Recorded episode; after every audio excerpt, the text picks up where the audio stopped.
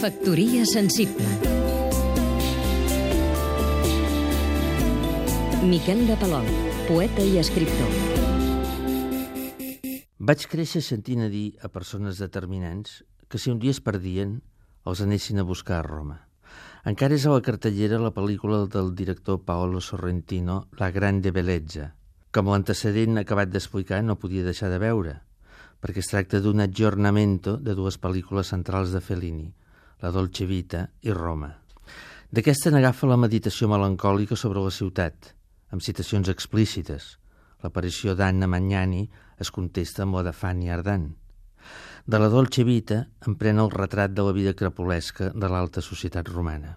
De la comparació entre aquest film i l'antecedent felinià en sortiria un paradigma d'evolució sociològica i a la requesta generacional s'endevina l'important aportació del co-guionista Umberto Contarello.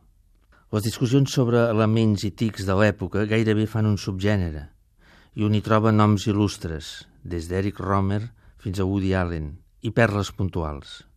En aquella època, Metti una sera a Cena, de Giuseppe Patrone Griffi, més endavant el declivi de l'imperi americà de Denis Arcand, i la seqüela d'uns anys més tard, amb els mateixos personatges.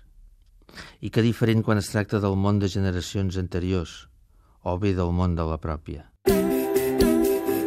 Factoria sensible Seguim-nos també a catradio.cat